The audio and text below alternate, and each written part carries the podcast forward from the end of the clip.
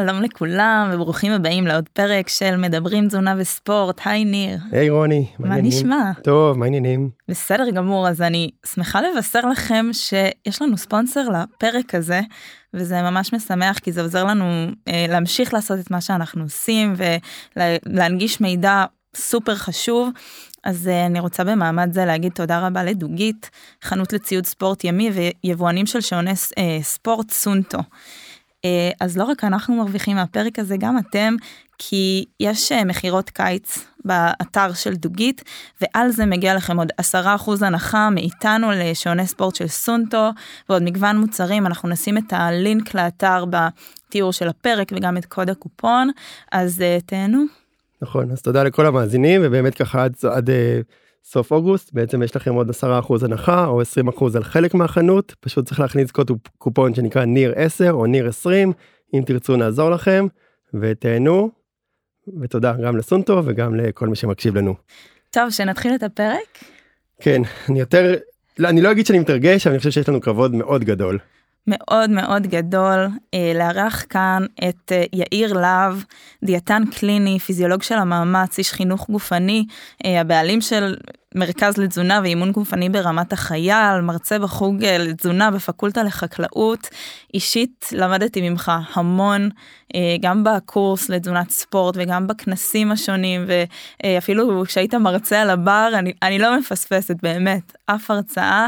אה, איש עם המון המון ידע, ואנחנו כאן כדי לשאוב כמה שיותר ידע. מאוד מתחבר למה שרוני אומרת, ואני חושב שאנחנו לומדים מיאיר מאז שאני בערך מכיר את עצמי שאני מתחבר לעולם הספורט והתזונה אם זה מווינגייט ועד המרכז אז תודה על הכל ובאמת אם מישהו רוצה להעמיק ויודע מעל ומעבר על תזונה וספורט זה באמת האיש. ידע אינסופי או מה שפעם קראו אנציקלופדיה מהלכת אני חושב שזה הגדרה. אז באמת אה, תודה רבה הסתיים הכל. טוב, אני ממש אה, נרגש למשמע הדברים והמון הערכה והמון תודה, אני מאוד uh, שמח להיות פה איתכם ומכיר uh, בערך של מה שאתם עושים ובתרומה הגדולה. תודה. המון תודה לכם. אתה יודע, אני זוכרת uh, בהרצאה הראשונה, אני חושבת ששמעתי אותך, אמרת שאתה אוהב לקרוא מאמר על תזונה ממש כמו שאתה אוהב אה, לקרוא איזה ספר טוב בחופשה וזה משפט שאני אומרת וואו הבן אדם הזה באמת אוהב את התחום. וזה כן ככה. זה, זה, זה לפעמים מצחיק אומרים לי בשבת מה אתה עושה אז אני אומר אני יושב על כמה מאמרים. אומרים לי עבודה או משהו לא אני אומר אני נהנה מזה אני נהנה כמו שאני קורא את אה, לא משנה מה ספרות יפה כזו ואחרת כן נהנה להבין את המכניזם נהנה להבין את הרעיון שמאחורי הדברים. מדהים אז אולי באמת תספר לנו קצת איך הגעת למקצוע הזה. קצת את הרקע. כן לא חיים שכאלה אבל קצת כן, כי לא כן, כולם כן. מכירים עד הסוף אז אה, קצת. בקצרה אני, אני אולי ב, בנערותי עסקתי ב, באימון גופני קצת אה, הייתי בפועל נהריה שחייה. וואלה. כן הייתי שחיין מספר שנים ואומנם לאחר מכן קצת כדורסל. אבל הגובה לא אפשר יותר מדי להתפתח מעבר לרמה מסוימת, אבל אלה באמת אה, ענפי ספורט של, אה, שאני זוכר אותם בילדותי, ואיפשהו התגלגלתי אה, בגיל 16 לאימון בחדר כושר. ואימון בחדר כושר הוביל צעד אחר צעד אותי למצב שבו אני מתחרה בנושא של תחומי פיתוח הגוף. ובנושא הזה יש אה, מספר צדדים, גם את הצד הפיזיולוגי, גם את הצד התזונתי, גם את הצד המדעי שמחבר את כל העולם הזה. אני חושב שאין הרבה ענפי ספורט שמחברים גם את המשחק הזה של השריר, יחד עם התזונה בצורה כל כך אה, כביכול מדעית, לא שענפי ספורט אחרים זה לא קיים. ואז איפשהו התחלתי גם אה, אה, להתחרות, ובסופו של דבר מספר שנים בארצות הברית. אה, שם חייתי כדי להביא את האהבה הזו לידי תחרות. אה, וזכיתי בזמנו באליפות ישראל בפיתוח גוף, וזה היה לי די ברור שאני הולך לעולם הזה, שאני הולך לעולם של האימון הגופני, של התזונה, של המדע. תמיד היה לי ברקע אולי משפטים, אולי פילוסופיה. באמת אני אוהב את התחומים האלו ואת ההתפלפלות. אבל בסופו של דבר נטיית הלב גברה, ואני שמח שכך. טוב, אז אני אשתף אותך שהיה לנו לא קל להתכונן לפרק הזה, היה לנו כל כך הרבה שאלות, ובסוף יש לנו אה, רק שעה, אז אנחנו רוצים אה, להתמקד בנושא שאני חושבת הכי מעסיק אותנו בפרקטיקה וגם את המאזינים שלנו שזה אה, משקל, ירידה במשקל, הרכב גוף, ואם יהיה לנו זמן אז גם נגיע קצת לפעילות גופנית, אולי קצת לפיזיולוגיה של המאמץ. אה, אבל אה, בוא, בוא נתחיל מההתחלה. היום נהוג אה, להגדיר עודף משקל, השמנה על פי מדד ה-BMI. מה, מה אתה חושב, מה זה המדד הזה, מה אתה חושב עליו? תראו, המדד הזה ברמה העקרונית משקף את כמות השומן שקיימת בגופו של אדם. אני אומר ברמה העקרונית, תכף נראה את, ה, את הקשר. ומעבר לסף של אה, האינדקס של 25, אנחנו יודעים שזה מקושר למחלות לב וכלי דם, מחלות שונות, תמותה וכולי וכולי.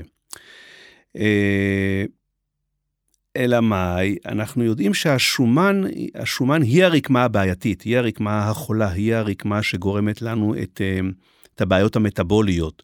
כולל אם אנחנו מדברים על אסתטיקה, אז היא הרקמה הבעייתית מבחינה אסתטית או בקרב ספורטאים, היא הרקמה שיכולה להפריע להם לעיתים.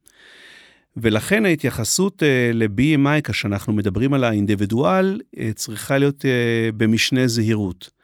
ואני נותן לכם את הממצאים של המחקר שסיימנו, ואנחנו ב, ממש בכתיבתו עכשיו, זה מה שנקרא not published yet, אבל אנחנו עובדים על זה. בישראל,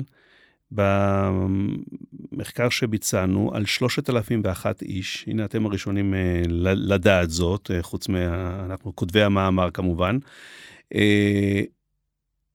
מתוך 3,001 איש, כאלף איש אה, הוגדרו בבדיקה אצלנו ב-BMI תקין.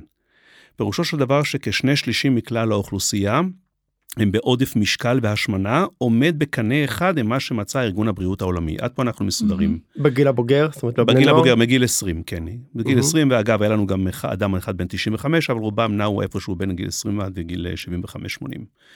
מתברר שב-BMI התקין הזה, כ-38% מכלל הנשים הם בעודף משקל מבחינת כמות השומן שנמדדה באמצעות מכשיר הקרוי דקסה. עכשיו ראוי אולי לכלל המאזינים לומר שיש מכשירי שדה ומכשירי מעבדה. מכשירי שדה אלה מכשירים כמו צבת, שצופתים את כפלי האור, מכשירים שאנחנו אולי מוצאים בחדר כושר, שבהם עומדים אה, יחפים, מחזיקים, אוחזים באיזה ידית מסוימת, וישנה מוליכות חשמלית. ומכשירי מעבדה אנחנו לרוב מדברים על אה, דקסה, או CT או MRI.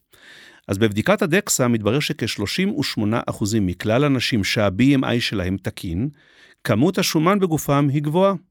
ובקרב הגברים אנחנו מדברים על כ-25% מכלל הגברים, כל גבר רביעי שהולך ברחוב וה-BMI שלו תקין, כמות השומן בגופו היא גבוהה, כזו שמקושרת למחלות לב וכלי דם, סוכרת, את הלחץ דם וכיוצא בזה.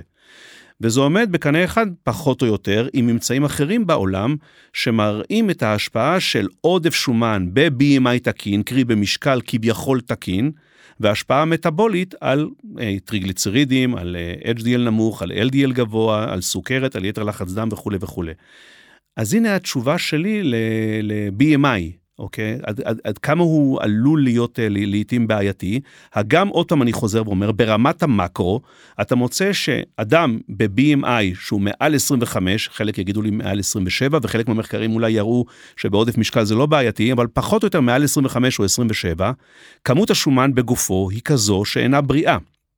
אז הגם שאנחנו מוצאים את הקשר הזה, זה לא בא לידי ביטוי שאתה מסתכל ברמת האינדיבידואל. זאת אומרת שיש אה, איזושהי כמו השמנה סמויה לרבע מהגברים ושליש מהנשים. נכון. אנחנו קוראים לזה normal weight obese. הם, הם במשקל של normal weight, אבל הם obese, obese מבחינת כמות השומן. עכשיו, מה ה cut-off? אני אשאל אתכם שאלה, כי זו שאלה שהיא מאוד מורכבת בספרות, לא נותנים עליה תשובה ברורה. מה ה cut-off? ב-BMI הדברים מאוד ברורים. מעל 25 אנחנו יודעים שזה עודף משקל, מעל 30 אנחנו מדברים על השמנה. מה לגבי אחוזי שומן?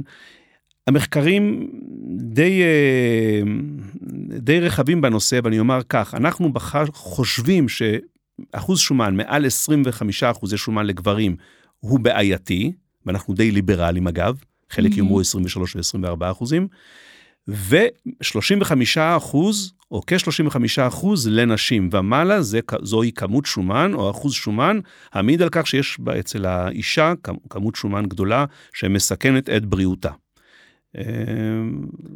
האם זה יהיה נכון להגיד שזה, אני פעם הייתי קורא להם רזים עם בטן, זה אפילו לא רזים עם בטן, זה מה שנקרא רזים, אולי אפילו פיט, ועדיין באמת כאילו כמו שרוני אמרה, השמנה סמויה. השאלה אם יש כאלה שימיו עם נגיד משקל תקין או עודף משקל, ויהיה להם אחוז שומן גבוה, השאלה אם כל השמנה תביא לחולי. אוקיי, אז אתה, אתה, אתה מעלה נקודה יפה, ניר. אני אוקיי. פותח סוגריים כי כל משפט עם יאיר אפשר לפתוח פה דיון שלם.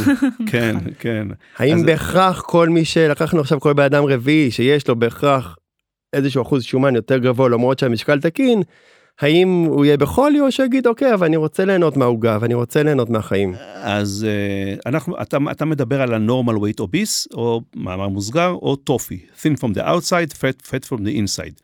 אוקיי אבל אנחנו אני אני אקח את השאלה שלך ואני אחדד אותה לפרקטיקה יותר. לאו דווקא על הרזים האלו אלא אנשים שהם בעודף משקל והם כונו או מכונים היום metabolic healthy obese. מטאבוליק הלתי אוביס אנחנו מדברים על גברים או נשים שכמות השומן בגופם היא אה, גדולה באופן יחסי, ה-BMI הוא גבוה, אבל מבחינה מטאבולית הם בריאים. אם כן, עד לפני כמדומני עשור, רוב המחקרים תמכו בעובדה שהסוג האוכלוסייה הזה לא יפתח מחלות ככל הנראה. מתברר שכ-50% מהם, לדוגמה במחלות כמו סוכרת, יפתחו את המחלה כעבור, או את הבעיה, את הבעיה המטאבולית כעבור כשבע שנים, שמונה שנים או עשור לאחר אה, שאתה מגדיר אותם כמטאבוליק healthy obese. הג... במילים אחרות, הגם שאתה מגדיר מישהו עכשיו, אתה בעודף משקל או בהשמנה, במצבך תקין, אין לך שום מרקר שמעיד על כך שיש לך בעיה בריאותית, צפו, צפו לבעיה בעוד כעשור, אה, או עוד מספר שנים. אז הנה אנחנו... פעם, פעם קראתי איזה משפט בספר, שאיזה חייל צרפתי אמר למפקד שלו, שנייה לפני שהוא מת הוא עדיין היה חי. אז זה בערך מה שקורה גם בתזונה תמיד, כי שנייה לפני הוא היה, אבל הכל היה תקין.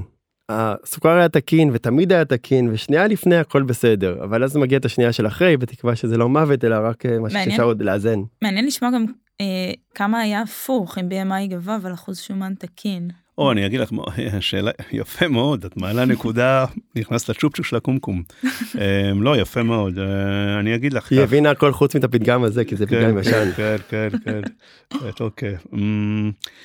אמ, כ-12 אחוזים מכלל הגברים היו ב-BMI שהוא מעל 25, מעל 25, ואחוז השומן שלהם היה נמוך מ-25 אחוזים. במילים אחרות הם היו שרירים. מה אני רוצה לומר פה? שלבוא ולרחוץ בניקיון כפיך, ולומר, אני ב-BMI גבוה, אבל יש לי מסת שרירים גבוהה, לרוב המצב הזה לא קיים. Mm-hmm. כן, אז הוא קיים, כמו שאמרתי, אחד לעשרה איש, mm-hmm. אבל אה, אחד לשני, אבל זה זניח, זה כן, זה, זה, זה המצב. אצל אנשים כמעט ולא מצאנו, אולי שלושה אחוזים. אלה נשים מאוד, עם מסת שרירים מאוד גבוהה, שהן חוצות את הרף של 25, ואחוז השומן שלהם הוא נמוך. כן, כן אז, אז, אז, אז, אז זה נדיר באמת אה, דברים מסוג שכזה. אוקיי, אז אנחנו לומדים שלמעשה BMI אה, תקין לא בהכרח נותן לנו איזושהי שקט ושלווה, ו-BMI אה, גבוה ככל הנראה אה, מרמז על אחוז שומן גבוה, נכון. למעט אחוז קטן. נכון, נכון. ועכשיו אפשר לדבר על פיזור השומן וכולי וכולי, אבל זה נושא אחר. אגב, רק נקודה אחרונה, חשוב לציין שמחקרים כאלו אה, בחלקן אה, לוקים, לוקים בחסר מסיבה אחת. הבדיקה של אחוזי השומן, או הרכב הגוף, נעשית באמצעות מכשירים לא מדויקים. Mm-hmm. וזה מסית, וזה, וזה, וזה, וזה רק אה, נותן לי לתת, לתת, לתת אולי לקהל, לאנשים ששומעים, לציבור המאזינים, את הבעייתיות. במחקר אחר שפרסמנו ב-2021, לפני כשנה וחצי, גילינו שכאשר אתה משווה מכשירי מוליכות חשמלית מהאיכות היותר אה, גבוהה, ברמה יותר גבוהה לדקסה, אתה רואה שחלק מהמכשירים, ב-25% מהמקרים, גורעים או מורידים או מפחיתים מאחוזי השומן של הנבדק מעל 5, 6, 7, 8, 9, 10 אחוזי שומן. זה אומר שאתה מוצא אצל גבר 25 אחוזי שומן, ולמעשה הוא 32 אחוזי שומן.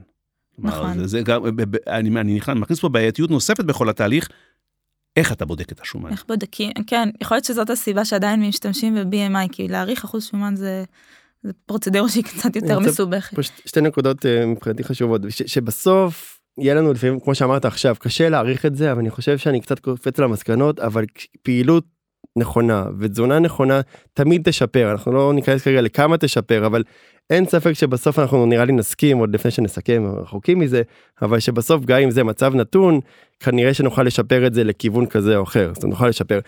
ועוד נקודה אחת BMI אתה מציץ עליו או שמבחינתך מה שהדקסה אומרת אני מסתכל על זה או שזה בכלל לא עובר בשורה. רק בשביל הנקודה. לא הוא, הוא, הוא רלוונטי. הוא רלוונטי. הוא רלוונטי כן. טוב אז. Um... אני רוצה לפתוח את, את הנושא המאוד מאוד uh, טעון של uh, עודף משקל, השמנה, עלייה במשקל, הנתונים, הסטטיסטיקות שאנחנו רואים הן קצת uh, מדאיגות, זו מגמה שהולכת ועולה. ומדברים הרבה על הצלחה, על כישלון בדיאטה, בשינוי אורח חיים. Uh, רציתי לשאול בכלל, מה, איך מוגדרת הצלחה והאם יש לך נתונים של אה, סטטיסטיקות כמה אנשים מצליחים לעשות שינוי באורח החיים, כמה נכשלים. למה השקט? אני אגיד לכם למה, כי השאלה כל כך עמוקה, ואני עכשיו עושה פינג פונג במוח, מהיכן אנחנו מתחילים. איפה להתחיל? לא הבטחנו לך. כן. אבל ננסה, ננסה לזקק את הדברים לאיכותו של עיפרון. נאמר כך, חלק מהמחקרים, בוא, בוא נגדיר מה, זה, מה זו הצלחה, ראשית. הצלחה זה ירידה בחלק מהמחקרים של חמישה אחוזים ממשקלו של האדם, קרי, אדם שקל 100 קילוגרם, ירד ל-95 קילוגרם, זו, ושמר על זה, תכף נדבר כמה זמן שמר על זה, זו הצלחה. חלק יאמרו עשרה אחוזים ירד במשקלו, קרי שקל 100 קילוגרם וירד ל-90 קילוגרם ושמר על ה-90 קילוגרם.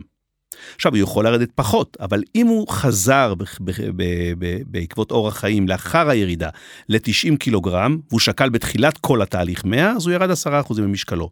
עד פה הדברים מסודרים אה, לנו, וזה, וזה חשוב, אני חושב, למאזינים. אם כן, זו, זו, זו מוגדרת כהצלחה מבחינת הירידה. מדוע מדברים על חמישה או עשרה אחוזים כשהנטייה או המטוטלת נעה יותר לעשרה אחוזים? מהסיבה הפשוטה. השפעה של חמישה ועשרה אחוזים בעיקר על לחץ דם, על סוכרת, על רגישות לאינסולין, כל זה דברים שברורים ונמצאים אה, בספרות. ולכן זו, יש לזה השפעה בריאותית ואנחנו מכנים זאת כהצלחה. עכשיו, השאלה כמה זמן הוא מצליח לשמור על משקלו לאחר שהוא ירד. חלק יאמרו שנה, רוב המחקרים מדברים על לפחות שנה, חלק יאמרו, הצלחה מבחינתנו זו שהוא ירד ושמר על המשקל החדש, או עשרה אחוזים פחות ממשקלו, לפחות שנתיים ושלוש, וחלק יאמרו חמש.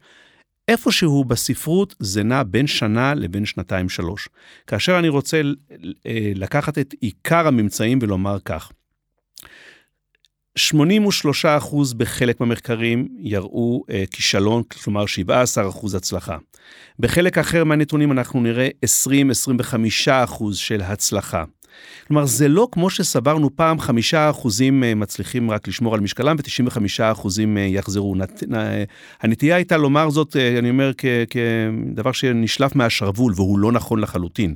אנחנו בהחלט מדברים על הצלחה באופן יחסי שהיא אולי יותר מהמצופה, אוקיי? אז אה, כמו שאתם רואים, זה יכול להיות 17 אחוזים, זה יכול להיות 20 אה, אחוזים וזה יכול להיות גם 25 אחוזים, ובחלק מהמחקרים שבהם אנשים אימצו אורח חיים שאפשר לדבר עליו, מהם הפרמטרים לאורח החיים הזה, הם הצליחו לשמור על כעשר שנים על, על, על המשקל שלהם החדש, ועלו אולי מספר קילוגרמים מועטים.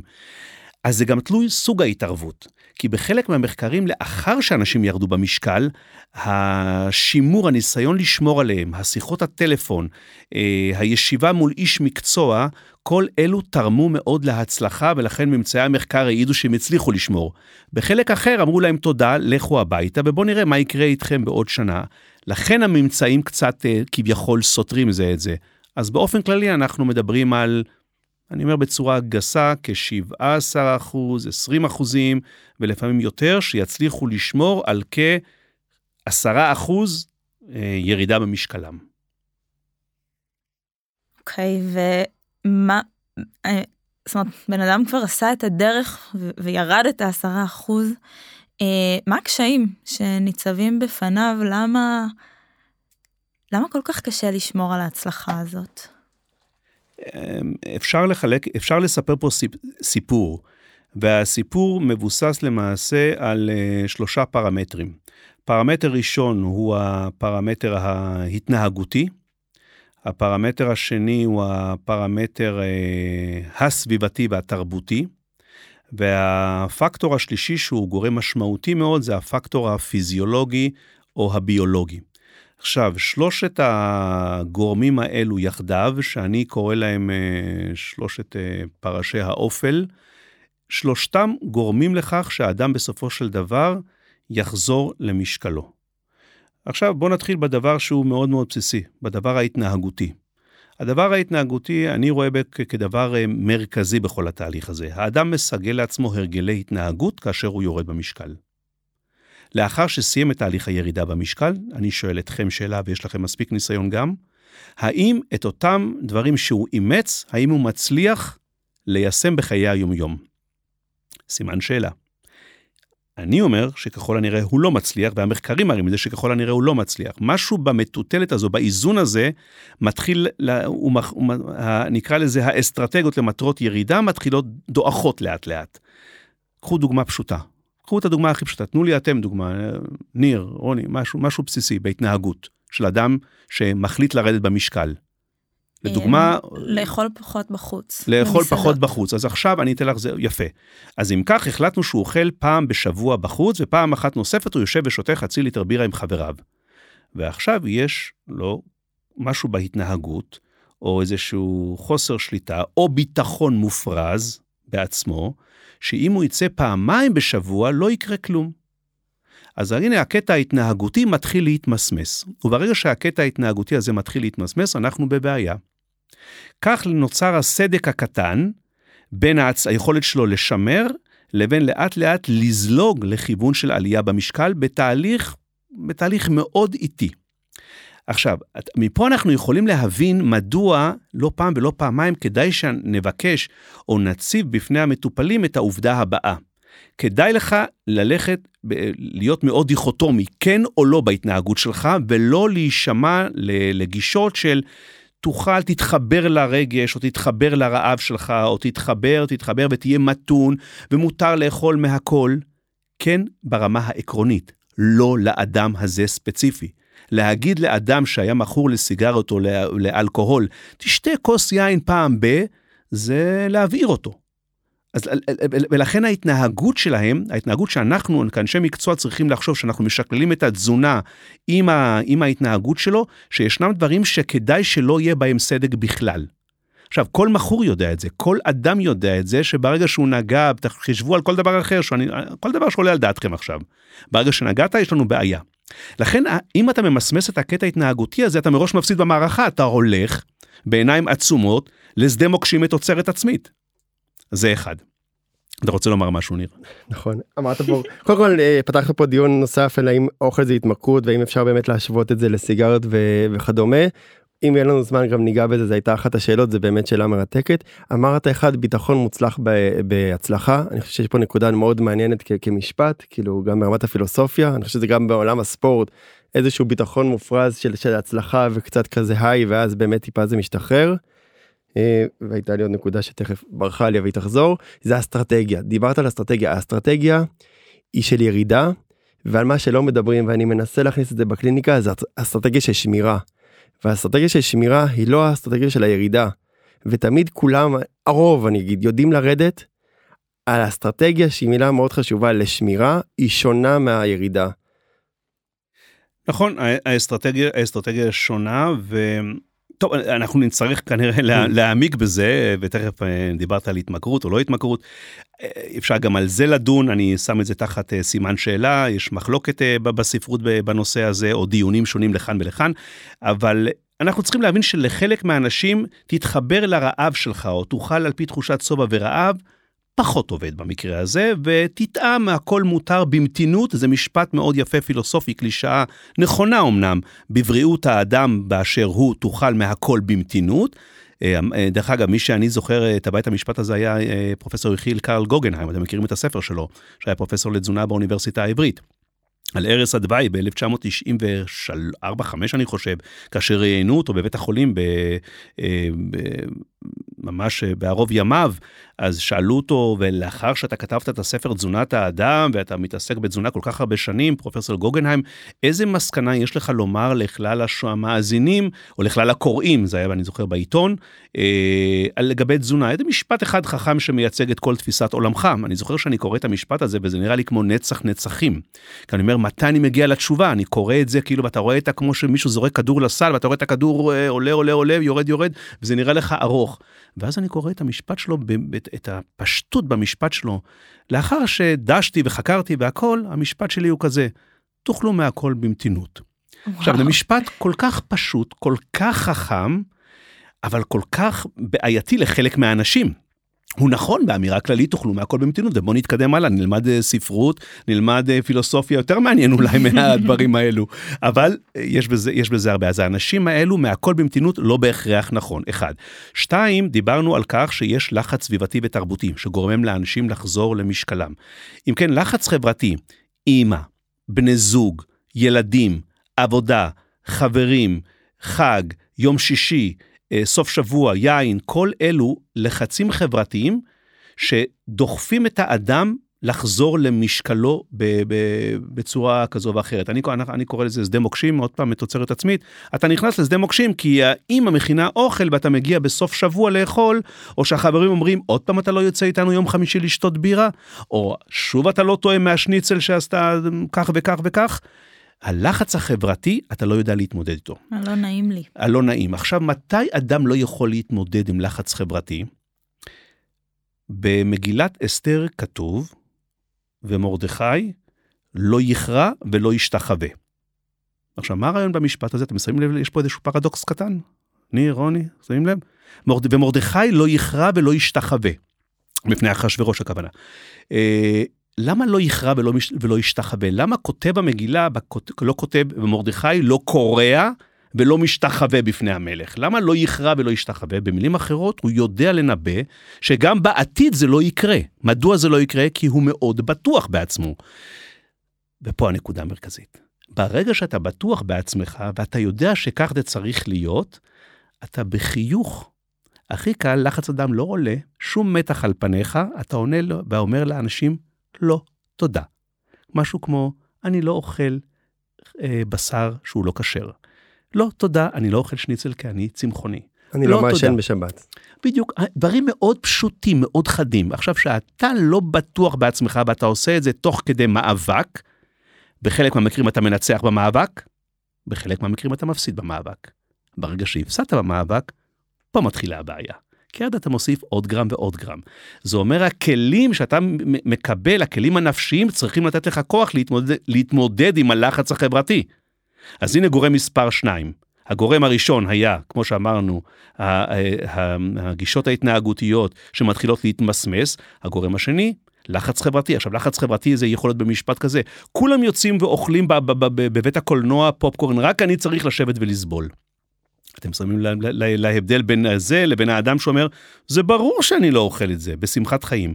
והדבר השלישי והמרכזי, והוא הבעייתי בעיניי, זה הורמוני הרעה והשובע. הגורם הביולוגי שגורם לאדם להיות, במרכאות אני אומר עכשיו, רעב תדיר. ושאדם רעב תדיר, כאשר הוא יורד במשקלו, רמת ההורמונים בגופות מנסה תמיד לדחוף אותו לאכול יותר כדי לחזור למשקלו הקודם. ופה מתחילה להיות בעיה. האם הוא יודע להתמודד מבחינה טכנית ומבחינה רגשית עם תחושת הרעב הקלה הזו. עכשיו, למה אני אומר תחושת רעב קלה? כי זה לא רעב שאני הולך להתמוטט עוד דקה ולא אכלתי 24 שעות. זה מין משהו חמקמק שאני מגדיר אותו, אני לא בדיוק רעב, אבל אני גם לא שבע. וזו נקודה קשה. איך אתה יכול לגרום לאדם שתמיד רוצה לאכול ולהיות שבע דרגה שמונה, לצורך השיחה, לומר לו תעצור בשש, אבל הוא אומר אני קצת רעב, אני יכול עוד קצת? אוקיי, עכשיו מתחיל המאבק, ובאופן תדיר הורמוני הרעב דופקים לו במוח. אז יש לנו כל שלושה דברים עכשיו שגורמים לאנשים לחזור למשקלם, ועד אתה צריך טקטיקות, ומפה אפשר לפתוח את זה עכשיו לשיחה, טקטיקות התנהגותיות כדי להקל על עצמך לא להיות במצב הפיזיולוגי או ההורמונלי הזה. והמצב הפיזיולוגי וההורמונלי הוא שונה בין אנשים שונים, נכון, נכון? נכון, נכון, נכון, נכון. אגב, אני מניח שהוא יהיה גם לאנשים הרזים. זה אומר שאם אנחנו מטפלים, מטפלים עכשיו בעודף משקל שהוא אסתטי, והגברת שוקלת 60 קילוגרם והיא רגילה להיות 57 קילוגרם והיא ירדה 3 קילוגרם של שומן, עכשיו אני אומר לה, שמרי על ה-57 קילוגרם. אני לא חושב שהיא שונה באופן רדיקלי מאשר הבחור שירד מ-100 ל-90 קילוגרם. מהמם. מדוע? כי הורמוני הרעב אצלה דוחפים אותה כל הזמן ל-60. ולכן לא פעם ולא פעמיים אני שואל את עצמי, האם אנחנו חוטאים בכך שאנחנו מאפשרים להם ונותנים להם מענה לשלושה קילוגרם האלו? מהמם. וזה לעולם אני לא אפתור את הבעיה הזו עם עצמי. שמפה רוני כלומר- ואני בעצם רצינו להזמין את יאיר, מפה הכל התחילה, אם את זוכרת, בכנס, ויאיר אמר משהו כזה באחת ההרצאות שלך, וכל ה... נכון, הייתה לנו, היה לנו דיון מעניין, באמת מי, מי אדם שצריך לרדת במשקל ומי אולי אנחנו עושים לו עוול. ממקום, כן, אולי ממקום מקצועי, אפשר להגיד לו, אתה במשקל טוב, יכול להיות שכדאי לך לשמור עליו. והקדמת. אותי באמת בשאלה, סליחה, שהאם זה יקרה בכל משקל, ואמרת שכן, זאת אומרת, כי צריך להפריד בין מי שירד מ-140, 130, 120, בערך, נגיד 10, 20, 30, 40 קילו, למישהו שירד באמת 2, 3, 4 קילו, אתה אומר שגם הם יחוו סוג של מאבק עם ההורמוני הרעב? הם תמיד היו טיפ-טיפה רעבים. לכן אתה תראה אותם. לקראת הקיץ יורדים 3-4 קילוגרם, אם היה קל היו נשארים עם 4 קילוגרם פחות. כן, טוב, מתחיל עוד פעם פיחות זוחל. לפני החתונה היא ירדה 6 קילוגרם, באמת לא משהו משמעותי, אבל בוא נראה אותה שומרת. תחושת הרעב הזו, הקטנה הזו, גורמת לה לאכול טיפ-טיפה יותר, לנו, לכולנו, זה, זה, זה, זה, זה, כן, אצל מי הבעיה המרכזית? אצל האדם שבעודף משקל מסכן את בריאותו. זה שה-BMI שלה הוא גבוה. אז ברור שזה מיותר לשוחח עכשיו אולי על הקטע האסתטי, אבל זה חלק גדול מהאוכלוסייה, בהחלט. שמתעסקים במשקל שלהם אה, כל הזמן. כלומר, הורמוני הרעב פועלים אצל כולם באופן די דומה, אבל המשקל שבו נחוש ברעב הזה הוא, שון, הוא משתנה אצל אנשים, נכון? נ- נ- נכון, הוא, הוא, הוא משתנה, ו- ואולי יבוא מישהו ויאמר, ו- ואני אסכים, שאצל האדם בעודף המשקל הגדול או הגבוה, הוא יחווה את זה בצורה הרבה יותר משמעותית. אנחנו נראה את הורמוני הגרלין ואת הורמוני השובע, את הרעב והשובע, אצלו משחקים בצורה אחרת לגמרי ביחס לרזה. אבל כעיקרון, כקונספט, זה יהיה קיים גם אצל הרזה.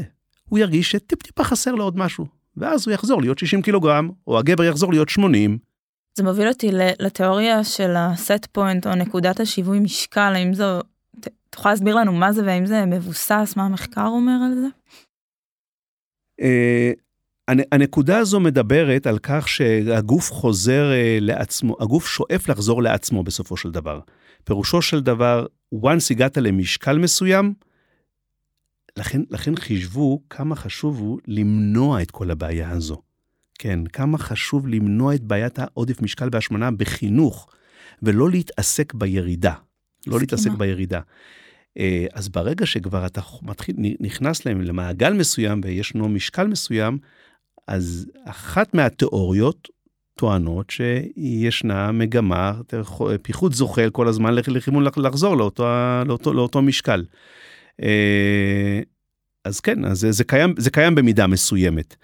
עכשיו, יש על זה, יש על זה אולי מחלוקת מסוימת עד להיכן, ומה המצב הפיזיולוגי שגורם לזה, או מה המצב ההתנהגותי שגורם לזה. אז אני לא מספיק בקיא בניואנס הזה, אז אני מעדיף mm-hmm. לא לתת תשובה שהיא לא אחראית. כן. האמת היא שהעלית פה נקודה מאוד חשובה, אני חושבת. אני, אני מרגישה שכשאני אחד על אחד בקליניקה, אנשים לא, לא עד הסוף מבינים את החשיבות. יותר קל למנוע עלייה או לשמור על הקיים מאשר לעלות ואז לרדת, נכון? מסכים, וזה... מסכים, מסכים לגמרי. זה מסר ש... כן, שאני חושבת שכדאי שאנשים תראו, יבינו אותו. זו, זה, זה אחד, אחד, אחד מהמחקרים היפים, עוד פעם, זה, אני מניח שזה יעניין את, את, את כולם, זה ה overshooting. פירושו של דבר, אפקט היו-יו, שבסופו של דבר גורם למחלות לב וכלי דם, פוגע בתפקוד הכלייתי ופוגע בתפקוד כלי הדם. פירושו של דבר שאנשים שיורדים ויורדים ועולים כל הזמן, מסיבות כלשהן, מסיבות של אסתטיקה, או ספורטאים, או אנשים בעודף משקל והשמנה, או אנשים עם הפרעות אכילה, או ספורטאים בענפי ספורט מסוימים שנדרשים לרדת ולעלות, היו-יו הזה פוגע בבריאותם. פוגע בבריאותם, ולכן ב-2020 יצא מאמר שאני מתרגם אותו ככה בצורה פשוטה, האם הדיאטה היא גם הפתרון וגם הבעיה? כי מעצם העובדה שאנחנו גורמים לאדם לרדת, אנחנו יודעים שחלק גדול מהם יעלו, וזה פוגע בבריאותם, היו-יו הזה, ה overshooting הזה. מה זה עושה? כאילו... הנזק נוצר כאשר אתה לא שומר על 90 ואוכל עכשיו איקס קלוריות, אלא אתה יורד ל-80, ואז אתה מתנהג בצורה פרועה, נקרא לזה כך במרכאות, ואתה אוכל בצורה מוגזמת, סוג מסוים של מזון, או תפיסת מזון מסוימת שמחזירה אותך ל-90. העומס הזה על הגוף, העומס הקלורי, העומס המטאבולי על הגוף, הוא זה שפוגע בסופו של דבר וגורם לבעיות בכליה, בכלי דם וכולי וכולי. ולכן התיאוריה הזו של ה overshooting, שאתה כל הזמן משחק עם זה, אנחנו יודעים באיזה מספרים זה? האם עדיף להיות במשקל גבוה ויציב מאשר... מאשר לעשות את היו-יו הזה, כן, כן. על זה mm-hmm. זה מדבר, כן. גם הספורטאים אגב. גם כן. הספורטאים, כן. אז אנחנו יודעים באיזה מספר זה יו-יו? זאת אומרת יו-יו זה יכול להיות גם חמישה קילו, או שיו-יו זה חייב להיות 20-30 קילו? אה, לא, אני, אני לא יודע לומר, לומר אם uh, חמישה קילוגרם, uh, כן, אם זו בעיה. אני לא יודע לומר בדיוק את המספר. אני אוסיף עוד משהו, לא יודע אם אנחנו, אם כך, תוך כדי חשבתי על זה, שגם בעלייה, ב overshooting, כשהם עושים את העלייה, הם בדרך כלל לא פעילים. זאת אומרת, יש איזה שלב שאתה יורד ואתה פעיל ואתה עושה הכל, וכשאתה מזניח, אז אתה בדרך כלל גם מזניח, לרוב, בהכללה אני אומר. ואז יש פה איזה בינג' שהוא גם באכילה, גם בחוסר פעילות, זאת אומרת, גם הרכב הגוף פה משתנה כשאתה בעלייה. אתה, נכון, ולכן ב-2014 יצא המאמר שכותרתו היא כזו, מדוע, מדוע מדיאטה לדיאטה אנחנו הופכים יותר שמנים? אה, כן, מדוע דיאטה הופכת אותנו שמנים? בגלל המשחק הזה שאתה פוגע בהרכב הגוף, אתה פוגע במסת השרירים, אתה חוזר למשקלך, אבל אתה כבר לא חוזר עם אותה מסת שרירים. ואז הגוף יש לו איזשהו רצון לתקן את עצמו, ואתה אוכל עוד יותר ועוד יותר. אבל הנקודה שהעלית היא, אני חושב, הנקודה היותר חשובה מכל מה שאנחנו מעלים עכשיו. הנקודה של היעדר פעילות גופנית. כשאתה לוקח את כל המחקרים ואת כל הספרות, ואנחנו יודעים את זה היטב, אנחנו רואים שאם יש מכנה משותף אחד לאלו שהצליחו לשמור על משקלם, הוא לא מספר הארוחות ביום בהכרח, ולא אכילה כזו או אחרת או דיאטה כזו ואחרת, אלא זה דבר אחד מאוד מזוקק. זה הקפדה על פעילות גופנית בנפח מסוים שבועי. וברגע שזה לא קיים, אתה רואה מצבור של דברים מתחברים יחדיו כדי לגרום לאדם לעלות במשקל. זה אומר, בלי הפעילות הגופנית, אנחנו בבעיה ככל הנראה. אנחנו קופצים לפעילות הגופנית אבל זה ממש לא, מתקשר. זה רק, כן, זה לא... היה אפשר לשים בולד או כן. מרקר מלמטה כזה. אולי זה יהיה שם הפרק. ללא הפעילות הגופנית לא, לא תהיה ירידה איכותית אבל האם הפעילות הגופנית היא זו שמורידה אותנו במשקל? האם נכון לספור קלוריות, כמה קלוריות שרפתי? או שיש דברים אחרים שגורמים ל... ברמ... ב... בוא נראה, עוד פעם, יש לך שאלות קשות. אמ, זה כל כך רחב, אנחנו יודעים את זה, זה, זה בערך 4-6 שעות uh, שיחה בקורסים המעמיקים בנושא במבוא. הזה. כן, במבוא, כן, כן. במבוא, זה 4-6 כן, שעות. כן, אתה צודק. פעילות גופנית ברמה, ברמה העקרונית, כל דבר יש לי הסתייגויות, אבל ברמה העקרונית אין לה השפעה כמעט על ירידה במשקל, ואם אנחנו רוצים ל- לומר את זה במשפט יפה והייתי אומר אקדמי, תרומתה של פעילות גופנית לירידה במשקל היא תרומה מינורית. עד פה אין ויכוח. תרומתה לשימור המשקל בסוף תהליך הירידה היא תרומה קרדינלית. בלעדיה, רוב הסיכויים, שאם דיברנו על ה-83% או על ה-70% שיחזרו למשקלם, אחת מהסיבות זה היעדר פעילות גופנית. ואם אתם רוצים להבין את המנגנון עוד יותר, זוכרים שדיברנו לפני מספר דקות בסך הכל על כך שהגורם הביולוגי, ההורמונלי, הוא זה שדוחף את האדם לאכול יותר, mm-hmm. וגורם לאדם שצריך לאכול 2,000 קלוריות לרצות לאכול 3,000 קלוריות? באה הפעילות הגופנית והיא שחקנית רצינית ביותר, אם לא השחקנית, ביכולת הזו להתגבר ולהפחית את ההורמונים שדוחפים אותך לאכול. ואז יש, יש השפעה בזכות הפעילות הגופנית על אותם הורמונים שדוחפים אותנו לאכול. ובכך הם מצ... אנחנו מצליחים באמצעות הפעילות הגופנית למנוע את הדחף לאכילה מוגברת, ויש לזה השפעה מיטיבה על שימור המשקל. כמו השפעה אחרת, לדוגמה, השפעה על דימוי גוף. אתם מכירים mm-hmm. את זה כולנו, ברגע שאנחנו עושים פעילות גופנית, אה, חבל לנו להרוס את זה באמצעות, באוכל, או שאנחנו מרגישים טוב עם עצמנו, יש פה השפעה שהיא מעבר לפיזיולוגיה, גם השפעה פסיכולוגית. אז uh, יש לזה השפעה, כמו שאומרים, על המצב ההורמונלי, ולכן תרומתה היא חשובה מאוד. אז יש לנו קווי מתאר, או אבני ראשה בסיסיים מאוד, שבאמצעותם אנחנו יכולים לבוא ולומר, אם תתנהג כך וכך, אני יכול לנבא ככל הנראה, או אני מוצא קשר ליכולת שלך לשמר את המשקל. ותמיד שאני, תמיד שאני דן אה, ביני לבין עצמי, או ביני לבין אה, קולגות, כמו שעשינו עכשיו בשיחה, בשיחה מקדימה לשיחה הפורמלית הזו, האם השמנה היא מחלה? אה, שאלה מורכבת באמת, היא לא פשוטה בעיניי. הגם שחלק מארגוני הבריאות מגדירים אותה כמחלה, אני רוצה לבוא ולראות האם האדם בעודף המשקל והשמנה שירד ממשקלו, ביצע את חמשת אה, הכללים הבסיסיים שאני, שנתנו לו כדי לשמור על משקלו, ואז הגם שהוא ביצע את הדברים האלו, הוא חזר למשקלו.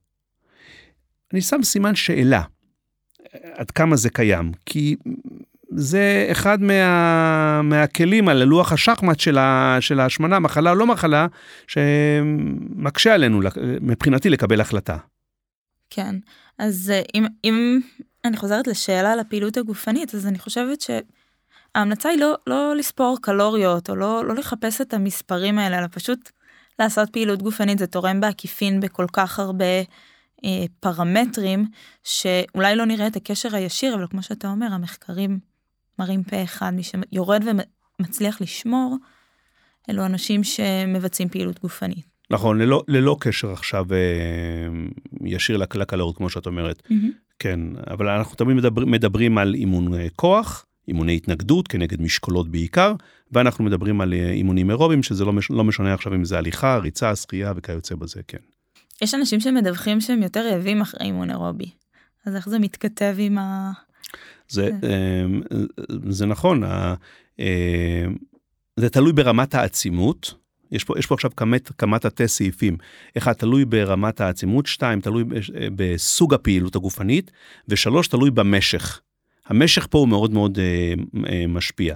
אה, ברמת מאמץ גבוהה, בשעה, שעתיים הקרובות בסיום האימון הגופני, רוב האנשים יחוו דיכוי של אכילה. ולאחר מכן, שערי שמיים אה, נפתחים וקדימה אפשר להכניס אה, אוכל, אה, וזה, הגיוני, וזה הגיוני. אגב, זו אחת מהסיבות מדוע אנשים מבצעים פעילות גופנית גם לא מרזים. באופן טבעי, בעל חיים בטבע, ילד מבצע פעילות גופנית, הוא יורד החוצה, משחק בכדור או משהו כזה, באופן טבעי הוא רעב לאחר מכן, הוא רוצה לאכול יותר. Mm-hmm. אז זה שאנשים מדווחים על רעב, זה הגיוני, ואז הם יכניסו את כמות הקלוריות. זו הסיבה שבאמת פעילות גופנית לא גורמת באופן כללי להרזייה. או לירידה במשקל. ואם פה גם נכנסת מה הבחירה, מה הם בחרו לאכול אחרי האימון. זאת אומרת, יש פה גם עניין של דחיסות קלורית, בחירות. נכון, לא. נכון, ובעל... אתה, אתה, אתה צודק כל כך, ניר, מה שאתה אומר, ואני נזכר ב, ב, בסקירה היפה מלפני שנתיים שפורסמה, מהם קווי המתאר לאלו שמצליחים לשמור על משקלם. אז מספר 2 או מספר 3, אני לא מדבר על הצדדים הפסיכולוגיים, אני מדבר על הצדדים הטכניים יותר, צריכה מוגברת של ירקות. אוקיי, צריכה מוגברת של ירקות, עכשיו אני, אני, אני ככה מרים את כפות ידיי, סופק את כפות ידיי, מסתכל למעלה ואומר, אני מקווה שהמטופל יסכים לאכול את כמות הגדולה הזו של הירקות. ולא יאמר לי, אני מרגיש כמו, סליחה על הביטוי, באחו. שלוש נקודות. מצא בעל חיים, ש- ש- שלוש אותיות באחו שאוכל. כן, אוקיי. כן, אנשים מתבאסים. אה, מאוד קשה להם, מבני נוער עד מבוגרים, הסיפור של ירקות, לחתוך, לשטוף, להתעסק, זה משהו שכל כך בריא, ומצד שני כל כך רחוק מהאנשים ביום יום, שזה באמת לפעמים אתה אומר, איך יכול להיות שברור משהו כל כך טוב ובריא, וכל כך מרחיק ומצד שני אם ניקח ג'אנק או קולה או שלא נדע סמים ואלכוהול וסיגריות כמה זה מושך את האדם וכמה קל לו לגלגל איזה סיגריה וכמה קשה לו לשטוף מלפפון. נכון נכון נכון מדהים. תראה אני תמיד צוחק ואומר שאני יכול למצוא תחליף למוצרי חלב כדי לקבל אה, סידן ואני יכול למצוא תחליף לברזל בצורה כזו או אחרת או לקחת עושה ואני יכול למצוא תחליף לכל דבר שהוא אני לא יכול למצוא תחליף לירקות. אין לי. אין לי מה לאכול ואין לי איך לקבל סביבים תזונתי ומינרלים. תהפוך את כדור הארץ, אני חלבון יכול לקבל מסויה ולא מבשר, אבל אני לא יכול להחליף את הירקות. עכשיו, אם זה לא לחם חוקך ואתה עושה את זה כמי שכפאו שד, אתה נאלץ לאכול את הירקות האלו, אני מדבר על אנשים שנותנים לעודף משקל בהשמנה כמובן, לא על אדם שאוהב ירקות, שזה משחק אחר, והוא לא מתחיל את ארוחת הערב שלו עם צלחת גדולה של ירקות ולא ירק אחד או שניים, כן, לא תוספת של שני עלי חסה, או את הצהריים, מלכודת, אה, כן. נכון. כן. או ילדים, הרבה ילדים שפשוט מסרבים לאכול את זה, לא אוהבים את זה, זה גם אני מודה קשה. שאין לי מושג איך ילדים מתקיימים, יש לי הרבה ילדים כן. בקליניקה שלא אוכלים בכלל, ואתה אומר, תשמע, יש להם שיער על הראש. הם צומחים, הם חזקים, חלקם אפילו ספורטאים, ולא אוכלים, זה לא הרוב, זה חלק די קטן. אבל לפעמים אני יכול להבין הכל זה משהו שאני לא מצליח להבין כמו שאמרת מאיפה מביאים את המינרלים איך הם שורדים בלי מספיק ויטמינים. זה אחד הנקודות שאני מבחינתי מהקופת חולים עד הקליניקה לא מצליח להבין איך האדם שורד. אז, אז יכול להיות שהם נמצאים בחוסרים אה, תת קליניים, כן? כן. כן, למעשה, אני לא רוצה להגיד די בוודאות, אבל סביר להניח שחלק גדול בכלל מהאוכלוסייה נמצאים בחוסרים תת קליניים. אגב, מבחינתי הקרוב ביותר לליבי עכשיו זה המגנזיום, אז אני יודע כמה אנשים מתקשים לצרוך מגנזיום בכמות נאותה. תוסיף לזה, תוסיפו לזה את המים המותפלים, והגענו לבעיה נוספת. כן. מעניין. אז אה, כן, אני חוזרת אה, לסיפור של הירידה במשקל. אה, יש מצבים שאנשים באמת מצליחים ככה להתגייס ולרדת במשקל, ובאיזשהו שלב הירידה נעצרת. הם יכולים להישבע שהם בגירעון קלורי, אתה מכיר את האנשים, אבל oh. אני בגירעון. טוב, אז א' הם לא בגירעון אם זה נעצר, זה חוקי הפיזיקה. הבעיה, ש... הבעיה שלי זה לא חוקי הפיזיקה, הבעיה שהרגש שלהם גובר על, ה... על הידיעה. כן. Uh, אני אומר, אני אנסה לשים את האצבע על הבעיה. אחת מהבעיות שמועלות, ואני רואה אותה באופן קבוע, זה שהנוקשות שלהם באוכל שליוותה אותם בתחילת התהליך, יורדת איפשהו באמצע התהליך והם מתחילים להיעצר. יש פה כמה דברים. יש פה דבר אחד, דבר התנהגותי, ויש פה מערכת של התייעלות של הגוף. אז בואו נתחיל בדבר ההתנהגותי. בחלק ניכר מה, מה, מה, מהמצבים, אני מדבר עכשיו מבחינה פרקטית, מה שאני רואה, ואני מניח שגם אתם רואים, בשבוע השביעי, שמיני, תשיעי, עשירי לדיאטה, או לתהליך הירידה במשקל, אנשים מתחילים לזייף קלות. עכשיו, הזיוף קלות הזה הוא לא משמעותי, הוא לא כזה שמבחינתם הוא אמור למנוע את תהליך הירידה במשקל. אבל חוקרים גדולים מאוד בתחום, בתחום הזה, אה, מראים, מראים עוד פעם את הזליגה הקטנה שמתרחשת כעבור מספר שבועות. וברגע שיש את הזליגה הקטנה הזו בקלוריות, והוא אומר לך, אני מקפיד בדיוק אותו דבר. נכון שבסוף שבוע אני קצת לוקח עוד פרוסת עוגה אחת ושותה רק בסך הכל עוד כוס יין, אבל האמן לי, אני ב-100%, 95% אותו דבר, זה מספיק כדי להרוס את הכל. איך אנחנו יכולים לדעת את זה בקליניקה? ברגע שיש לך אנשים שמחויבים, ואתה אומר לו, אתה חוזר לשבוע הראשון, או שאתה מקפיד כמו בשבוע הראשון על קלה כבחמורה, שבוע אחד בלבד, אופס, אתה רואה את הירידה עוד פעם חוזרת. אוקיי, אז דבר אחד זה דבר התנהגותי, אלו שטוענים שזה קורה. דבר שני, זה המודל הדינמי. המודל הדינמי בא ואומר את העובדה הבאה. מבחינה פיזיקלית, אדם צריך עכשיו, אם הוא בגירעון קלורי, לרדת כל שבוע לצורך השיחה חצי קילוגרם. המודל הדינמי בא ואומר, בהתחלה הוא ירד חצי קילוגרם, אבל בשבוע השביעי, שמיני, תשיעי, עשירי, הוא יתחיל לרדת 300 או 200 גרם כל שבוע. אוקיי. וזה מדוע? כיוון שהגוף מתייעל. בקצרה, מתברר שכ-30-35% מכלל האנשים אצלם אין את ההתייעלות הזו.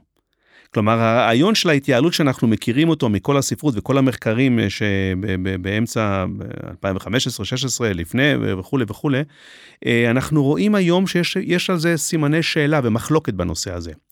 וב-2021-2022 כבר יש מטה-אנליזות שמראות שהדברים לא כפי שאנחנו חושבים. כלומר, המשפט, הגוף שלי מתייעל והוא שורף פחות קלוריות ולכן אני לא יורד, קיים אמנם, אצל חלק ברמה של 30-40 קלוריות. אצל חלק יותר, ואצל חלק זה בכלל לא מתרחש. אגב, אצל מי זה פחות יתרחש? אצל אנשים ששומרים על רקמת השריר שלהם.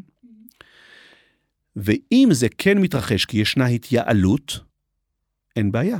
בוא נעבור שלב ונתחיל לבצע יותר פעילות גופנית או נקפיד יותר על האוכל. בהנחה שהאדם לא נופל למלכודת הראשונה שבה הוא מזייף. אז הנה יש לנו פה שתי זרועות מדוע זה מתרחש רוני. זרוע אחת הוא מזייף, והוא לא מודע לזה. זרוע שנייה, הגוף אולי אה, מתייעל, אבל אני אומר אולי. יש גם את העניין שכשהוא יורד אז הוא גם צריך פחות, וזה יכול להיות איזשהו רף שקשה. כן, השאלה, השאלה אם הוא צריך פחות, ב, בוא, בוא, בוא ניקח מצב נורמטיבי. אדם ירד עשרה קילוגרם שומן, קילוגרם שומן צריך אה, ארבע קלוריות וחצי לקיומו. זאת אומרת, אדם ירד עכשיו עשרה קילוגרם שומן, אז הגוף שלו צריך פחות 40 קלוריות. עכשיו בוא נוסיף על זה עוד דברים אחרים, שהוא נושא את עצמו, הוא, הוא, שהוא מרים את עצמו עכשיו במדרגות, או שהוא הולך ברחוב, הוא מרים 90 קילוגרם ולא 100 קילוגרם.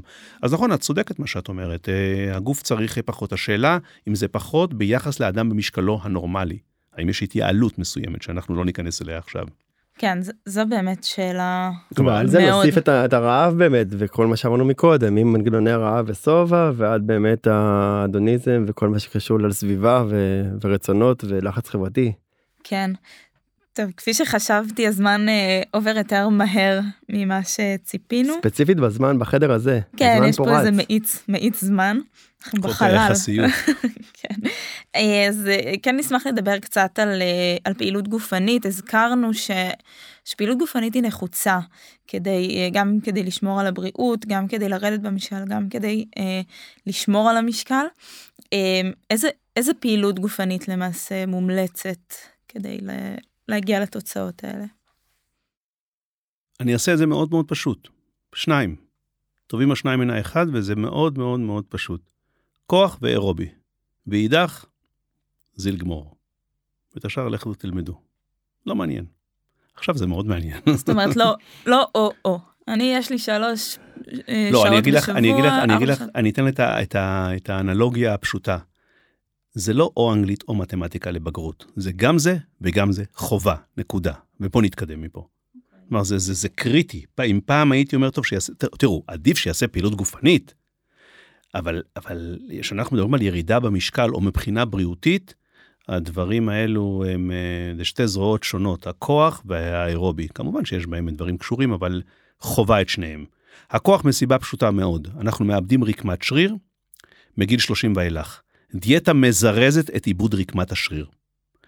חוק הרבע שאתם מכירים אותו, ואחרים אולי שומעים עכשיו מתוודעים אליו בפעם הראשונה, אה, חוק הרבע מדבר על כך שאם אדם יורד כעשרה קילוגרם, כרבע מהמשקל שהוא ירד, זה מהשריר.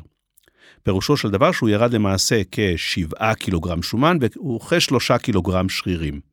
אז אם הוא ירד שלושה קילוגרם שריר ושבעה קילוגרם שומן, וחבר שלו ירד עשרה קילוגרם שומן כי הוא שמר על השרירים, אז זה לכם אדם שירד יותר באזור שומן מאזור הבטן, לדוגמה, ונראה יותר טוב, יותר, והוא יותר בריא כמובן, ביחס לחברו שאיבד את רקמת השריר.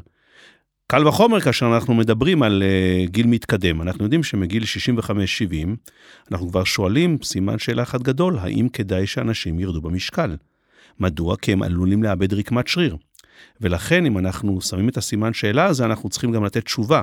אם האדם לא יבצע אימוני כוח, בחלק מהמקרים אנחנו צריכים לשקול האם לגרום לו לרדת במשקלו. האם זה שווה לנו? כי עיבוד רקמת השריר פוגע באיכות חייו, מסכן את חייו. אנחנו יודעים ששיעורי. השרידות הם נמוכים יותר בקרב אנשים שלוקים או סובלים, או מסת השרירים בגופם היא נמוכה יותר. אז אימון כוח הוא קריטי. הוא קריטי כדי לשמר את, את, את המשקל. אגב, אם מדברים על אסתטיקה, זה בכלל אין לנו מה לדבר. כן.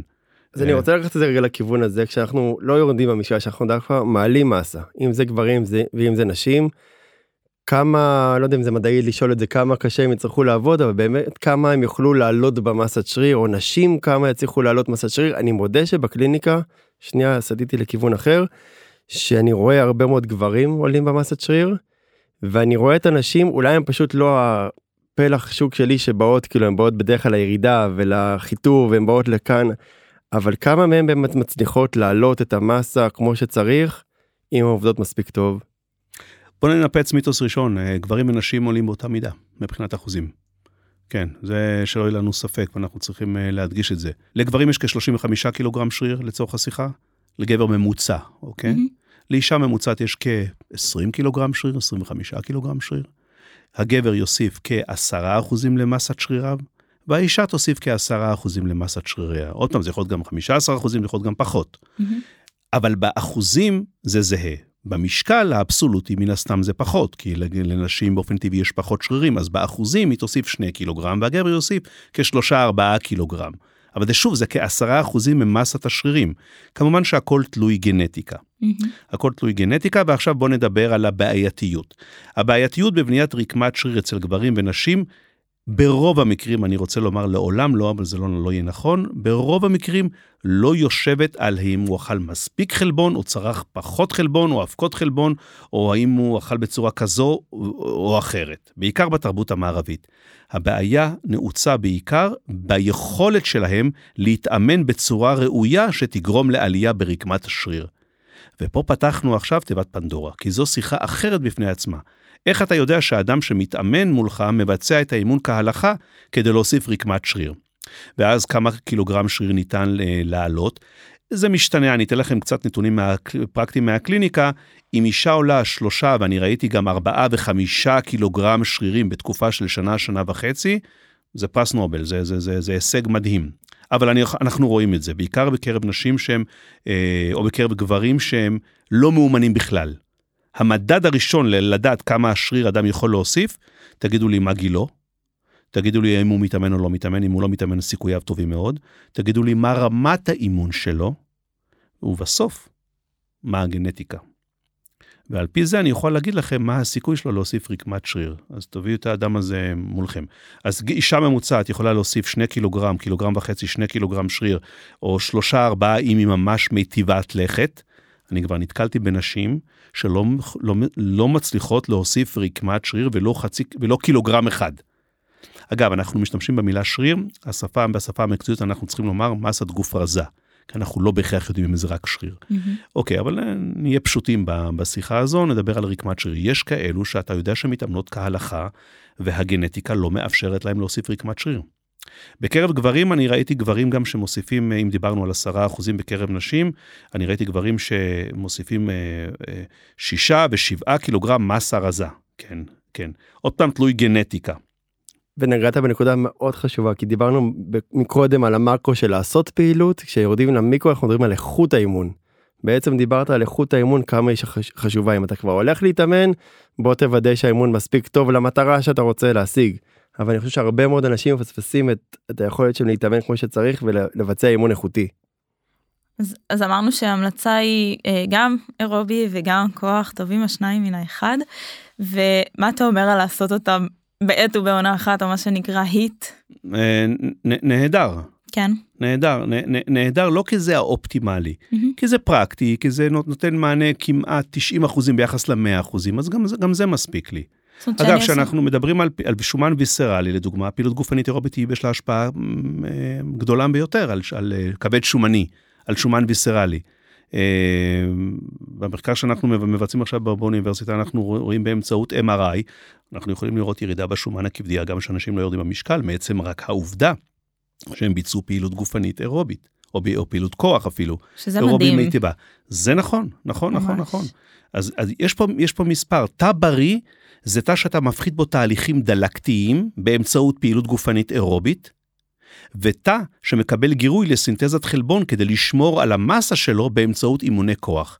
לכן ת, ת, תמיד טובים השניים מן האחד במקרה הזה. אבל אם אני עושה עכשיו אה, עבודת כוח באופן גבוה זה לא קצת גורם מאיכות עבודת כן. הכוח? נכון, נכון, נכון, נכון. להפך? נכון, נכון. אה, רגע, סליחה, פוגע באיכות? באיכות, נניח אני עושה... אמ... אה, סקווטים אחרי שעשיתי ברפיז או משהו כזה. שם. הבנתי, את, את צודקת, את לא תוכלי למקסם את היכולות של הכוח שלך ומה שאת מעוניינת uh, להשתפר, אבל זה בסדר. את יודעת מדוע זה בסדר? כי אנחנו לא הולכים לתחרות עכשיו. את לא הולכת לתחרות, אני לא, ניר לא, הכל חיים יפים. אנחנו רוצים לשמור על מסה, אז בואו נעשה סקווט. ואם ננוח, נצליח להרים משקל כבד יותר, ואם לא ננוח וניתן לאחר מכן אה, ספרינט או משהו כזה או כל תרגיל אחר, אז תהיה ירידה קלה ב- ביכולת שלי הגופנית באותו, באותו סט שלאחר מכן, אבל זה לא משמעותי. Mm-hmm. זה ממש כבר להתעסק בקוסמטיקה. כן. אוקיי. Okay. יופי, זה מעודד. חד משמעית. אני חושב שיש פה באמת בשורות דברים טובים. האם רמת המאמץ היא אינדיקציה לכמה האימון היה אפקטיבי? רמת המאמץ, וואו, זו שאלה עכשיו, טובה. כן, קראתי את עצמי באימון של, לא יודעת, 15 דקות, שעשיתי אימון כזה בעצלתיים, הרמתי משקולות, השאלה- נחתי. השאלה, השאלה, מה רמתו או דרגת הכושר הגופני של האדם, ושתיים, מה הוא רוצה להשיג. ורק אז אני אוכל לתת אה, תשובה לשאלה הכל כך מורכבת. אני אתן דוגמה, אני אשאל שאלה כזו. אדם יוצא לריצה קלה, כאשר עשר הוא לא מסוגל לרוץ, זה ספרינט, ושבע הוא מתאמץ. מתאמץ ברמה בינונית. באותו יום הוא החליט לרוץ בעצימות 6. 6 זה אומר ממש קליל לו, נעים. האם יש פה רווח בריאותי? תשובה ודאי. אבל אם הוא ייתן ספרינטים, האם הוא, אם הוא ייתן ספרינט לרמה של 9, הוא מאוד מתאמץ, דקה, ואז הוא ירד עוד פעם ל-6, ועוד פעם 9, ועוד פעם 6, האם זה ישפר ערכים מסוימים? אז אנחנו יכולים לראות שיפור ביתר, ביתר לחץ דם, ברגישות לאינסולין, אנחנו יכולים לראות דברים, שיפור בתפוקת לב, אנחנו יכולים לראות הרבה דברים. ואז תשאל השאלה, אבל מי האדם הזה? מה הוא מעוניין להשיג? רק לשמר את בריאותו? האם לצורך כך עליו להתאמץ מאוד עד כדי כך שהוא ירגיש חוסר כיף, או שיגרום לו, זה אולי יגרום לו לפציעה, או לפרוש? אגב, אימוני היט עלולים ליפול בקטגוריה הזו. מה מהמם. היתרון של אימוני היט? ה-intensity interval training, אימונים שבהם אתה מתאמץ, מביא את הדופק ל- לרמה גבוהה מאוד למשך דקה, נח דקה, ועוד פעם, חוזר, חזור ושנו, חזור ושנו. יתרונות, זה מאוד מעניין, זה מאוד דינמי. זה יכול לשפר מרקרים מטאבוליים שקשורים למחלות לב וכלי דם. חיסרון, זה יכול מאוד להתיש את האדם ולגרום לו ל- לנטוש את כל התהליך. זה יכול לגרום לפצע, לפציעות ובעיות אורתופדיות. כך שבוא נשקלל נראה מי האדם לפני שאני נותן תשובה המלצות. כל כך כביכול אה, פשוטה על אה, עדיף כך או עדיף כך. נכון, זה צריך לרדת, לרדת סליחה לרמת הפרט, זאת אומרת כן. בסוף אנחנו צריכים להתאים את זה ואני חוזר טיפה לאסטרטגיה לשמירה. זאת אומרת זה חייב להיות משהו שהבן אדם יכול להחזיק לאורך זמן וגם איפשהו הנאה צריכה להיכנס לזה הכיף. כי אחרת באמת השגנו אולי משהו אחד מצד שני פספסנו את המהות. נכון, אתה נוגע, אתה נוגע ב- בשתי נקודות. נקודה, ראש, נקודה ראשונה, אה, מה- הפעילות הגופנית הטובה ביותר היא זו שאתה יכול להתמיד בה. אם אתה לא יכול להתמיד, אז בוא נלך הביתה, כן, אין לנו מה לעשות. אז, אה, אבל איך אתה יכול להתמיד בה? היכולת להתמיד בה יושבת על שני דברים. א', על תכונות אופי, ותכונות אופי חלקן מולדות גנטיות, וחלקן תלוי סביבה ותרבות. אז עכשיו מתחיל פה משחק. כמה לאדם יש ב-DNA, במחקרי גנטיקה, שאתה בודק תאומים, כמה יש לו את היכולת לדבוק במטרה, לא להתייאש, היכולת לסבול כאב, לעומת חברו, או אחיו, או מישהו בן משפחתו, שאין לו את היכולת הזו, יש לו את היכולת הזו בצורה יותר טובה. זה אחד. והדבר השני, שחלק מהאנשים מראש נולדו בביטוי הגנטי שלהם עם uh, היעדר יכולת להפריש הורמונים כאלו שגורמים להם להתמכרות או לרצות לבצע פעילות גופנית. וזו בעיה. כי אז אתה מקבל אדם שאומר, אני לא מתאהב בפעילות גופנית. וחשבתי שאני אוהב את זה. ואני מחפש את, ה, את, ה, את נוסחת הקסם, אבל, אבל כנראה שגנטית הוא לא יכול להפריש כמות גדולה מסוימת של דופמין, אה, שיכולה לגרום לו להתמכר או לרצות לבצע את זה. ואז הוא נאלץ לעשות זאת, הגם שהוא לא אוהב זאת. והנה חזרנו לבעיית, ה... בדלת אחורית, בדלת אחרת לגמרי, לבעיה אם השמנה היא מחלה או לא. אם אני אומר לאדם, אם אני אומר לאדם, אה, לא, אני, אני לא רוצה להגיד, אני לא רוצה, אני לא נוקט פה עמדה, אני רק מראה את הבעייתיות. כי אם אני אומר לאדם שרזה, ונוטה לכיוון עודף משקל והשמנה, עליך לבצע, הגם שאתה לא אוהב פעילות גופנית על בסיס יומיומי, כ-45 דקות הליכה בפארק, או רכיבה על אופניים בביתך. והוא אומר, אבל אני לא אוהב את זה, ולכן אני לא מבצע, ואני אומר לו, אבל זה יגרום לך לעלות במשקל בסיכויים גדולים יותר. אז מישהו יבוא ויאמר לי, יאיר, הוא לא אוהב גנטית, הוא ככה, אז הוא, יש לו בעיה. כן, אז אני אומר, נכון, אבל איפה המאמץ שלו לדעת שיש לו בעיה, ועדיין הוא יכול לנסות להתגבר באמצעות המוטיבציה שלו ותפיסת העולם שלו. אז אני משאיר את השאלה הזו מאוד uh, פתוחה, כי מפה אני יכול לסיים ולומר את המשפט הבא, אם אני יודע בכל דקה נתונה איפה תהיה כל מולקולה, ואיפה תהיה כל חלבון בהתבטאות הגנטית של אדם, האם הכל ידוע והרשות לא נתונה? לא נתונה. כלומר, אני יודע בדיוק איך האדם יגיב שהוא יראה מזון מסוים, או יהיה בסיטואציה מסוימת, ואני אוכל לדעת בדיוק בעוד דקה, אם אני יש לי איזה מחשב על עכשיו שמנבא בדיוק בטמפרטורה הזו, בלחץ הנפשי הזה, במצב חשבון הבנק הזה, האדם הזה, עם הנטייה הגנטית שלו, כאשר הוא יראה את העוגה, הוא ינעץ בה את שיניו. אני חושבת שאנחנו נשאיר את השאלה הזאת פתוחה, כי זה באמת, אה, זה באמת דיון בפני עצמו, אפשר להגיד אפילו פילוסופי. אמ, ויש המון המון דעות של טובים ומומחים וזה אמ, רק באמת מסמל עד כמה העולם הזה של תזונה, של מדע, של רפואה הוא, הוא עולם מורכב, הוא משלב בתוכו כל כך הרבה וזה באמת אה, חלק, חלק קטן ממה שאנחנו עושים, זה גם לפעמים להשאיר שאלות פתוחות. לגמרי. אמ, מה שמעניין שהשוקולד יעשה את הדופומין הזה שאנחנו מחפשים אותו אז השוקולד או העוגה הזאת כן תעשה לו את זה והספורט אולי פחות. מרתק. נכון אז אה, כן זה, זה מעניין פה מדי אבל אנחנו נאלצים אה, לסיים השעון כבר. השעון כבר רץ כן רץ מדי אבל לפני שנסיים אנחנו יש לנו אה, פינת את האורח כמה אישיות שאלות אישיות אליך אז יאיר מה היית אם לא היית דיאטן פיזיולוג מרצה, עוסק בתחום התזונה. נראה, נראה, נראה לי כמו שפתחנו, אולי פילוסופיה. פילוסוף, יפה. אמ, מה המאכל אהוב עליך? אני חושב שכזאת שתיקה לא שמענו הרבה זמן כי זה באמת כמו שדיברנו לפני זה שזה שאלה לא פיירית אבל אנחנו אוהבים שאלות לא פייריות. נכון. אני מוכן, אני מוכן, אני בעוונותיי פעם ב, אתה יודע שאתה יוצא בחו"ל יוצא לך להזדמן למסעדת אה, מישלן כזו כוכב כזה שני כוכבים whatever. אבל בסוף בסוף בסוף אתם מכירים את זה שיש לך משהו שאחרי שניסית את הכל תמיד תחזור אליו. אני תמיד אחזור לשניצל או להמבורגר ולבירה. מדהים. כן, תמיד אה, ה basic אה כן, הכי כיפי, כן. לפני כמה ימים דיברתי עם ניר בטלפון, אמרתי לו, אני חושבת שאנחנו צריכים לשנות את השאלה הזאת, זו שאלה שהיא קשה מדי, כי לפעמים אני הכי אוהבת איקס, ולפעמים אני הכי אוהבת וואי. רוני נקרעת בין אבא לאמא, בסדר, אפשר גם לאהוב כמה דברים. ושאלה אחרונה, איזה ספורט אתה כן. עושה בדרך כלל? כוח ואירובי, אה, תמיד משלב את זה. ריצות? כן, ריצות. ריצות אה, בחוץ או על, על מסילה. הייתה תקופה שמאוד נהניתי ממנה, שהשקעתי שנה-שנתיים באופני כביש. וזה היה תענוג, נכנסתי לזה לעומק, מד ואטים, אימונים, trainer, הכל, פשוט היה תענוג. אבל זה דורש, זה, זה שואב, אתה צריך להעמיס, אתה יודע, יש פה הרבה התגייסות ב, ב, ברכיבת אופני כביש במדינתנו, אבל uh, היום ה basic שלי תמיד זה חדר כושר בריצה, חדר כושר בריצה, אני תמיד משלב את האירובי ואת הכוח יחדיו. אגב, אוהב, לא אוהב, צריך, כן, לבחור שעת ספר או שעת שינה, לפעמים הרבה יותר נוחים לי מאשר לצאת ולעשות זאת, אבל... אה, כן, אחרי השיחה הזאת לא, לא ציפיתי שתגיד שאתה רוקד פלמנקו. כן. יפה מאוד אז אמ, אנחנו נסיים את הפרק כאן למרות שיש עוד המון המון שאלות שכנראה יישארו פתוחות. תודה רבה יאיר להב.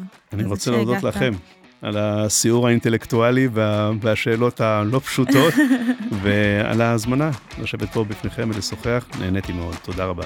תודה רבה תודה יאיר.